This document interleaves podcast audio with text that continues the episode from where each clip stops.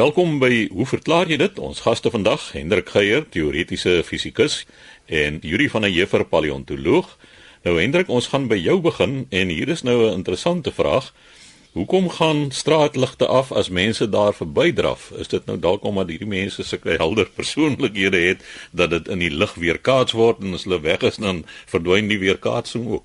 Ja, Chris, Die tamaletjie en daarom nie heeltemal so algemeen soos jy dit nou laat klink dit nie Chris is hier aan ons gestel deur Jaco van der Merwe. Hy is daar van Potchefstroom en ek dink die beste is dat ek my sy hele relasie hier voorlees en dan daar begin reageer. Hy sê ek hardloop gereeld vroeg elke oggend wanneer dit nog donker is en die straatligte nog skyn. Tydens hierdie drawery deur die strate van Potchefstroom gebeur dit nou en dan dat sodra ek naby 'n lamppaal kom of so pas verby een is, dan gaan die lig af. Slegs daardie een lamppaal, die ander in die straat skyn dan nog. Partykeer gebeur dit glad nie, een keer selfs 3 maal in een oggend. En dis nie elke keer dieselfde lamppaal nie. Dit lyk nie vir my of die gloeilamp kon gebreek het nie, want die volgende oggend skyn dit weer. En in Hakie sê hy dan in die munisipaliteit is definitief nie so vinnig om stukkende ligte te herstel nie. Hy gaan voort en sê ek glo nie in spooke nie. Dis moet daar een of ander fisiese verklaring daarvoor wees, alhoewel dit nogal 'n aardige gevoel is as dit sommer so skielik donker word rondom jou. Laastens sê Jaco vir ons, ek het baie beperkte kennis van wetenskaplike beginsels en verskynsels, maar ek wonder of my teenwoordigheid dalk een of ander elektriese veld kon versteur wat dan 'n invloed kan hê op die kragtoevoer. Maar hoekom gebeur dit dan nou net nou en dan en ook met lukraak lamppale? Nou Jaco, ek hou van jou aanslag om nie in die eerste plek na uh, paranormale verklaring van jou waarneming te spring nie en ek dink jy soek in die regte rigting. Laat ek begin deur te sê jy's klaar blyklik in heel goeie geselskap met hierdie vraag want as 'n mens bietjie gaan rondsniffel kom jy agter dat soortgelyke ervarings nou al oor 'n lang tydperk vir 'n goeie 20 jaar opgeteken is. Soveel so dat ene Hillary Evans so lank terug soos in 1993 'n verslag saamgestel het oor die sogenaamde SLI effek en hy het mense wat by hierdie effek betrokke is of dit waargeneem het sliders genoem. Nou SLI is die Engelse afkorting of akroniem vir street lamp interference en ons kan dit net so oorneem in Afrikaans straatlig interferensie. En die verslag van hom is nou anekdoties van aard meestal en dokumenteer verskillende mense se waarneming wat grootliks strook met wat Jaco vir ons hier vertel het.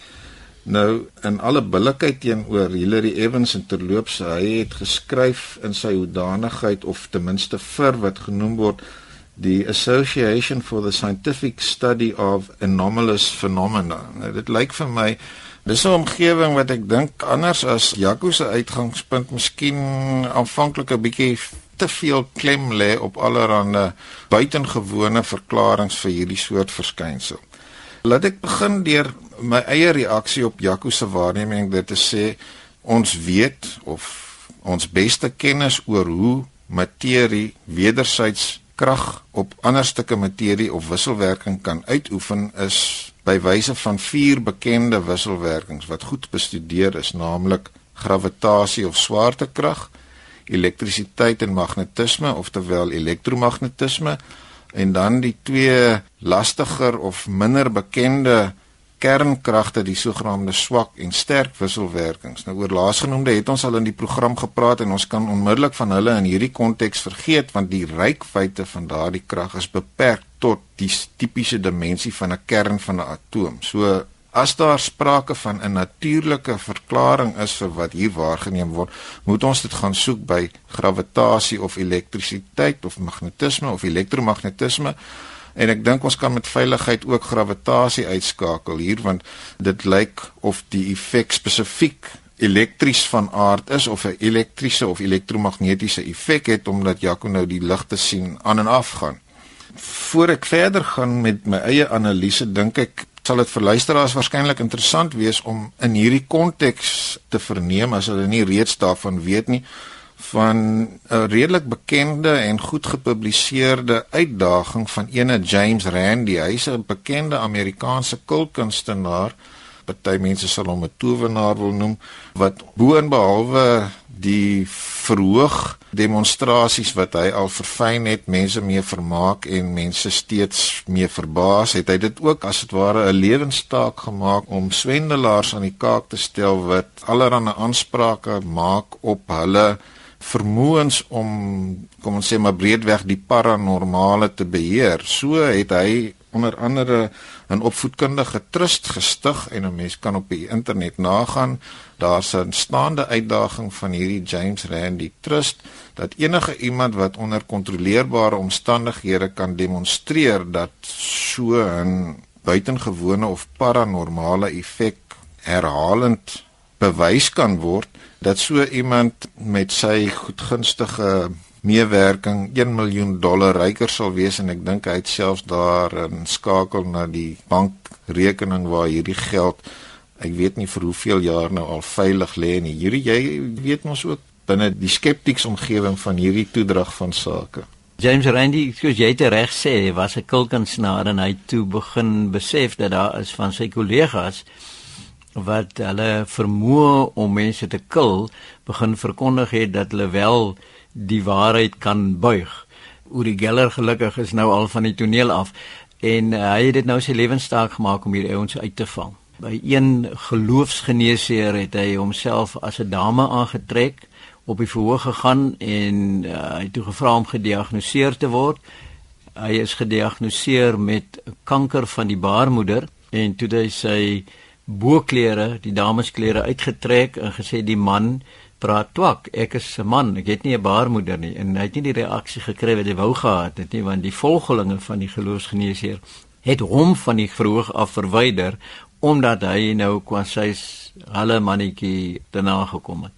Nou ja goed, ons kan nou seker aanstap van James Randi af, maar waaroor ons nou nog nie gepraat het nie is of daar enige natuurlike verklaring is vir die waarneming wat Jaco hier vir ons van vertel het. Nou om die storie miskien so 'n klein bietjie by die agterkant te begin, Chris. Dink ek sou mense kon sê en ek sou sê dit sou die tipiese skeptiese reaksie wees op hierdie waarneming is dat ons hier byvoorbeeld te maak kon hê met 'n korrelasie wat nie noodwendig 'n kausaliteit of 'n noodwendige effek impliseer nie. So baie dinge kan skynbaar gekorreleer wees, maar dan het hulle nie 'n uh, aantoonbare effek op mekaar nie. Andersyds miskien sou 'n mens kon praat van bevestiging van 'n bestaande vooroordeel en miskien selektiewe geheue. So dis nou aan die einde van die waarneming hoekom 'n mens miskien sou reageer op wat jy fisies wel waarneem met die soort verklaring dat as ek partykeer by 'n lig verbydraf dan gaan die straatlig dood en dit gebeur meermale en dit lyk asof daar 'n patroon is. Nou daar is wel 'n patroon in hierdie goed en dit is terug te voer na die tipe straatligte wat meestal in gebruik is. Luisteraars is sekerlik bekend met die tipiese geelerige lig wat die meeste straatligte vertoon. Dit is omdat hulle almal sogenaamde natriumdamp ontladingsbuise is. So ontladingsbuis het 'n paar elemente. Dit is baie soortgelyk aan 'n gewone fluoriserende buis wat in huise ook gebruik word. Daar's sprake van 'n spanning wat aangelê word oor 'n gas en dat die ontlading in daardie gas dan uiteindelik liggewend is. Nou in die geval van hierdie natriumlampe word 'n amalgaam van natrium en kook tipies gebruik. So dis 'n vaste stof wat daar ergens in 'n hoekie binne 'n aluminium buis sit omring van tipies edelgasse met ander woorde gasse wat nie self reageer met die materiaal nie sulke goed soos neon en argon. En as die spanning daaroor aangelê word dan verdamp van hierdie natrium en uiteindelik is dit hierdie natrium wat in die gas is wat liggewend is nou soos wat die leeftyd van hierdie goed aanstap is daar minder en minder natrium beskikbaar klaarblyklik omdat die natrium onder andere met die aluminium van die omhulsel reageer om uiteindelik 'n oksied te vorm wat dan nie so gereedelik beskikbaar is in die ontladingsgas self nie. 'n Verdere tipiese eienskap van hierdie ontladingsbuisstrukture is dat daar 'n stroomreguleerder is wat sorg dat byvoorbeeld so 'n lamp nie oorverhit nie. Nou skynbaar teen die einde van die lewensduur van so 'n lamp gebeur dit dat die stroom verhoog as gevolg daarvan dat daar minder natrium is en dat hierdie stroomreguleerder dan uiteindelik eenvoudig die stroom afsny en dus gaan die lamp dood as die ding weer afgekoel het, dan kan die proses weer herhaal. So dis 'n bekende sogenaamde sikliese in Engels word selfs die woord cycling vir hierdie fase van hierdie straatligte gebruik om hulle gedrag te beskryf, naamlik dat hulle toenemend aan en af gaan op 'n baie natuurlike manier. En dit lyk na die mees redelike verklaring. Nou, nie alle straatligte is van hierdie soort nie. Dit verklaar ook nie hoekom mense sê maar 2, 3 van hierdie lampe verby draf en hulle een na die ander dalk doodgaan nie. Dit begin later na miskien 'n bietjie te groot toevalligheid lyk. Maar dan weer eens is hierdie hele fenomeen ook nie so sistematies bestudeer dat 'n mens met sekerheid kan sê dat enige iets wat nie ondervang word deur die verklaring wat ons pas gegee het nog addisionele verklaring benodig nie. So uh Jaco, ek dink jy kan gerus wees daar is 'n redelik goed gevestigde natuurlike verklaring vir waarom straatlampe skynbaar spontaan afgaan en later weer sou aankom. Dit is wanneer hierdie lampe die einde van hulle lewensduur bereik. En verder sou dit miskien goed wees as jy meer noukeurig presies die waarnemings kan opteken dat 'n mens kan agterkom of daar nog iets by hierdie verhaal toe te voeg is al dan nie. So gesels Hendrik Geier, ons teoretiese fisikus, volgende aan die beurt Yuri van der Heever, paleontoloog. Yuri, jy het dit vanoggend oor biologiese eksperimente. Dankie Chris. 'n Navraag van mevrou Lona Brouwer van Stellenbosch en sy sê dat sy onlangs in die Jonkershoekvallei gaan stap het en toe merk sy op dat teen die hange van die vallei is daar sulke swart vierkante en sy het aanvanklik gedink dit lyk net soos areas wat gebrand het maar toe sy dit nader beskou deur middel van 'n verkyker toe sien sy dat dit eintlik skadinet is wat in groot vierkante bokant die fynbos gespan is op pale. En sy wil nou weet wat gaan nou hier aan? Toe ek so 'n bietjie navraag gedoen en uiteindelik daarby uitgekom dat dit 'n uh, MSc navorsingsprojek is van uh, Pieter Botha en sy studieleier Anton Pau in die departement plant en dierkunde en hulle noem hierdie eksperiment wêreld sonder voëls. Die eksperiment is daarop gerig om te kyk watter invloed voëls het in die fynbos, sekere soort voëls en dit is bekend dat voëls betrokke is in die bestuivingsproses van baie plante, Hulle versprei ook saad in 'n sekere omgewing. Hulle jag die insekte. So hulle is definitief 'n faktor in so 'n fynbos omgewing. Nou die voëls wat hier betrokke by is, is die Kaapse suikervoël, Bromerops kafer en die suikerbekkies van die familie Nectarinidae. En interessant genoeg is dit vier spesies van hierdie voëls wat meer as 350 plante in die fynbos bestuif. So wat die projek wat Anton en Pieter nou by betrokke is probeer doen is om te fokus op die voëls wat die protea struike bestuif. Nou dit sluit byvoorbeeld in die speldekussings, dit sluit die waarboom in Protea nitida, die groen suikerbos of krepelhout Protea coronata. En die gedagte is om die voëls uit te sluit van hierdie plante af en dan te probeer bepaal oor 'n baie lang tyd wat gaan die plante sonder voëls doen. Nou daar is sekere hipoteses wat hulle nou aanvoer.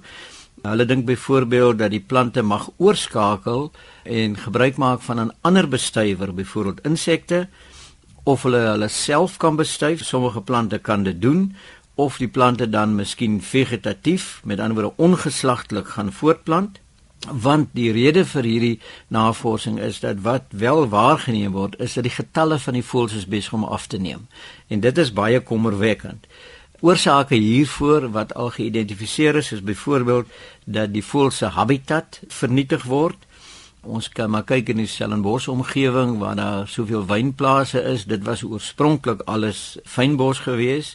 Die is uitgekap om wingerd te vestig. Gepaard hiermee kry mens dan uitgebreide dorpsontwikkeling en ons blykbaar ongebreidelde instink om alles onder teer toe te maak. Dit affekteer die bestaan van die voëls. Padverkeer neem toe in hierdie situasie. Dit ons sien nie die voëls en boonbehalwe dit het ons uitheemse plante in die omgewing wat natuurlik die fynbos bedreig en dan uiteindelik ons liefde vir heuning sodat daar die baie baie boere wat in die omgewing bestaan het hele swerms bye wat nou kompeteer vir nektar met hierdie voëls. Ons het in die tuin so groen bottel suikerwater vir hierdie voeltjies en jy moet gedurig daar by die bottel wees om te kyk dat die bye nie die ding verstop en dan kan die voëls niks kry nie. Boonbehalwe dit mag die voëls sensitief wees vir klimaatsverandering want dit is ook duidelik dat wanneer daar veldbrande is dan uh, beïnvloed dit die teenwoordigheid van die voëls baie sterk.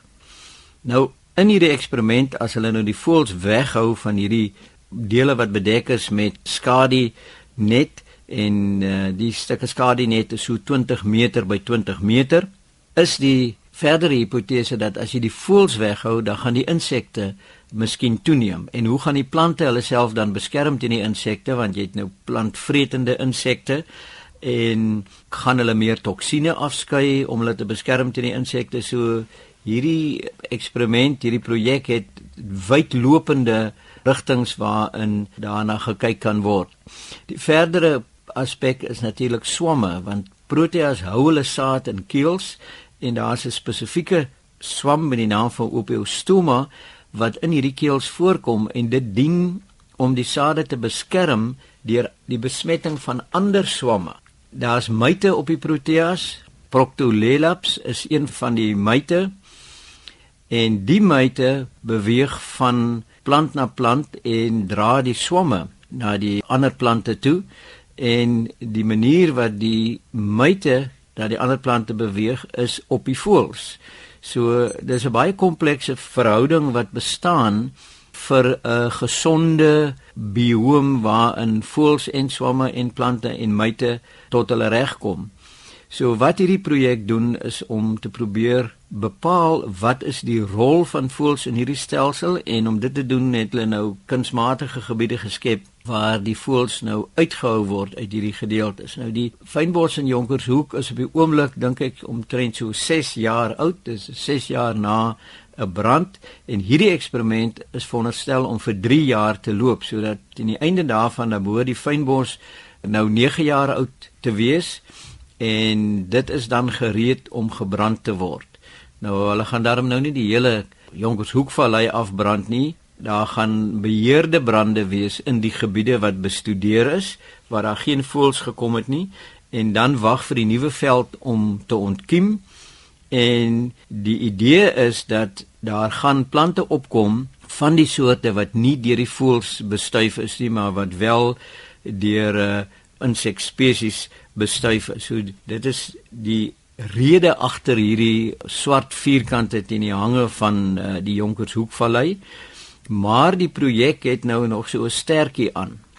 As gevolg van die bedreiging wat die voëls nou ondergaan, het die navorsers besluit dat hulle wil hoërskole by die projek betrek. En een van die redes daarvoor is om skoliere te identifiseer wat belangstel in biologie, wat belangstel in botanie en wat miskien op 'n vroeë relatief vroeë ouderdom ingetrek kan word in hierdie soort navorsing en die gedagte is om van hierdie plante, van hierdie plante wat die suikervoëls besoek, in skooltuine aan te plant om mense kan amper sê restaurante vir die voëls te maak en wat die voëls op hulle migrasieroetes kan besoek.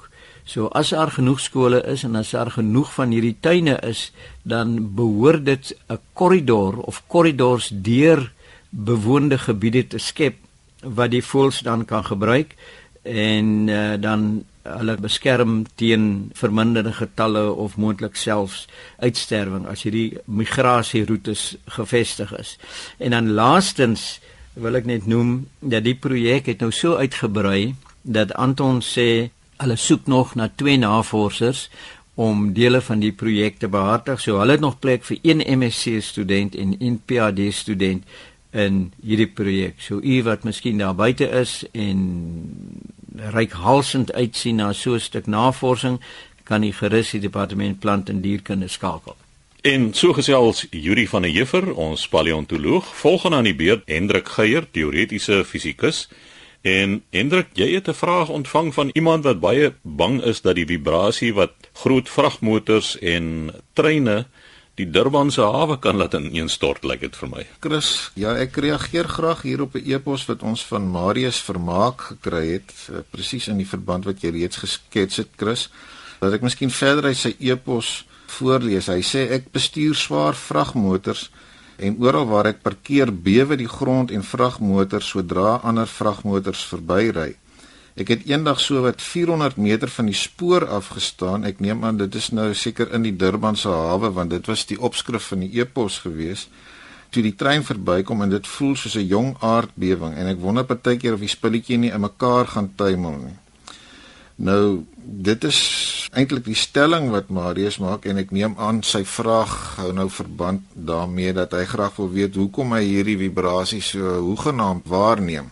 Die verwysing na 'n jong aardbewing is nie onvanpas nie, Chris, want ek dink dit is presies hoe mense dit sou kon beskryf, want die verskynsel waarmee ons hier te maak het, is eenvoudig die voortplant van klank of akoestiese golwe deur die aarde of deur die grond presies dieselfde soort proses gelukkig op 'n kleiner skaal as wat 'n mens by aardbewing self het. En ek dink in vorige programme gepraat oor die verskillende soort golwe wat 'n mens by aardbewings kan waarneem.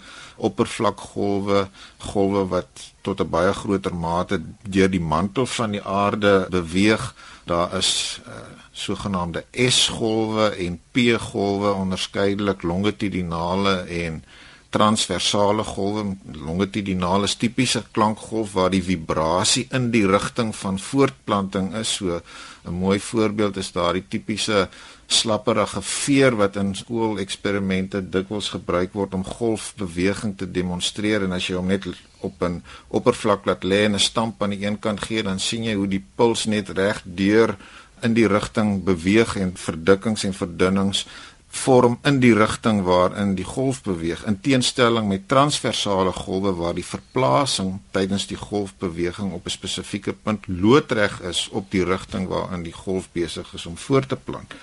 So daar's al hierdie tipe maniere waarop energie in die vorm van klankgolwe of energiegolwe deur mediums voortgeplant kan word en in die besonder ook deur grond of waar uit ook al die aardoppervlakte of omgewing bestaan rotsformasies natuurlik ensovoorts. So wat Marius hier waarneem is niks anders as hierdie effek veroorsaak deur onderskeidelik vragmotors en treine nie. Nou ons het ook al 'n slag daaroor gepraat dat die spoed van klank in so 'n medium verander hoofsaaklik bepaal deur twee eienskappe van die medium. Die een is die digtheid daarvan en die ander een die sogenaamde saamdrukbaarheid. Met ander woorde die mate waartoe 'n spesifieke materiaal vervorm kan word onder die invloed van 'n spesifieke krag. Uh, so weet ons dat lug natuurlik baie meer saamdrukbaar is as water wat amper glad nie saamdrukbaar is nie en dan enige vaste stof nog minder saamdrukbaar. Nou dit is so dat klankgolwe se spoed omgekeerd eweredig is aan die digtheid van die medium. So as digtheid die enigste bepalende faktor was, dan sou klankgolwe deur 'n digter medium stadiger beweeg het, maar dit is byvoorbeeld so dat by 20 grade Celsius die spoed van klank in lug omtrent 343 meter per sekonde is terwyl in water by 'n soortgelyke temperatuur praat jy van 'n spoed van amper 1500 meter per sekonde. So dit verklaar nie maar dit strook ten minste met die waarneming dat digter media wat minder saamdrukbaar is tot 'n groter mate die voortplanting van golwe kan dra as ek die terminologie kan gebruik. So om daardie rede ervaar jy die vibrasies wat veroorsaak word deur vragmotors op 'n pad of 'n trein op 'n spoor 'n end verder weg primêr deur die waarneming van wat jy deur die aardoppervlak voortgeplant voel eerder as deur die lug.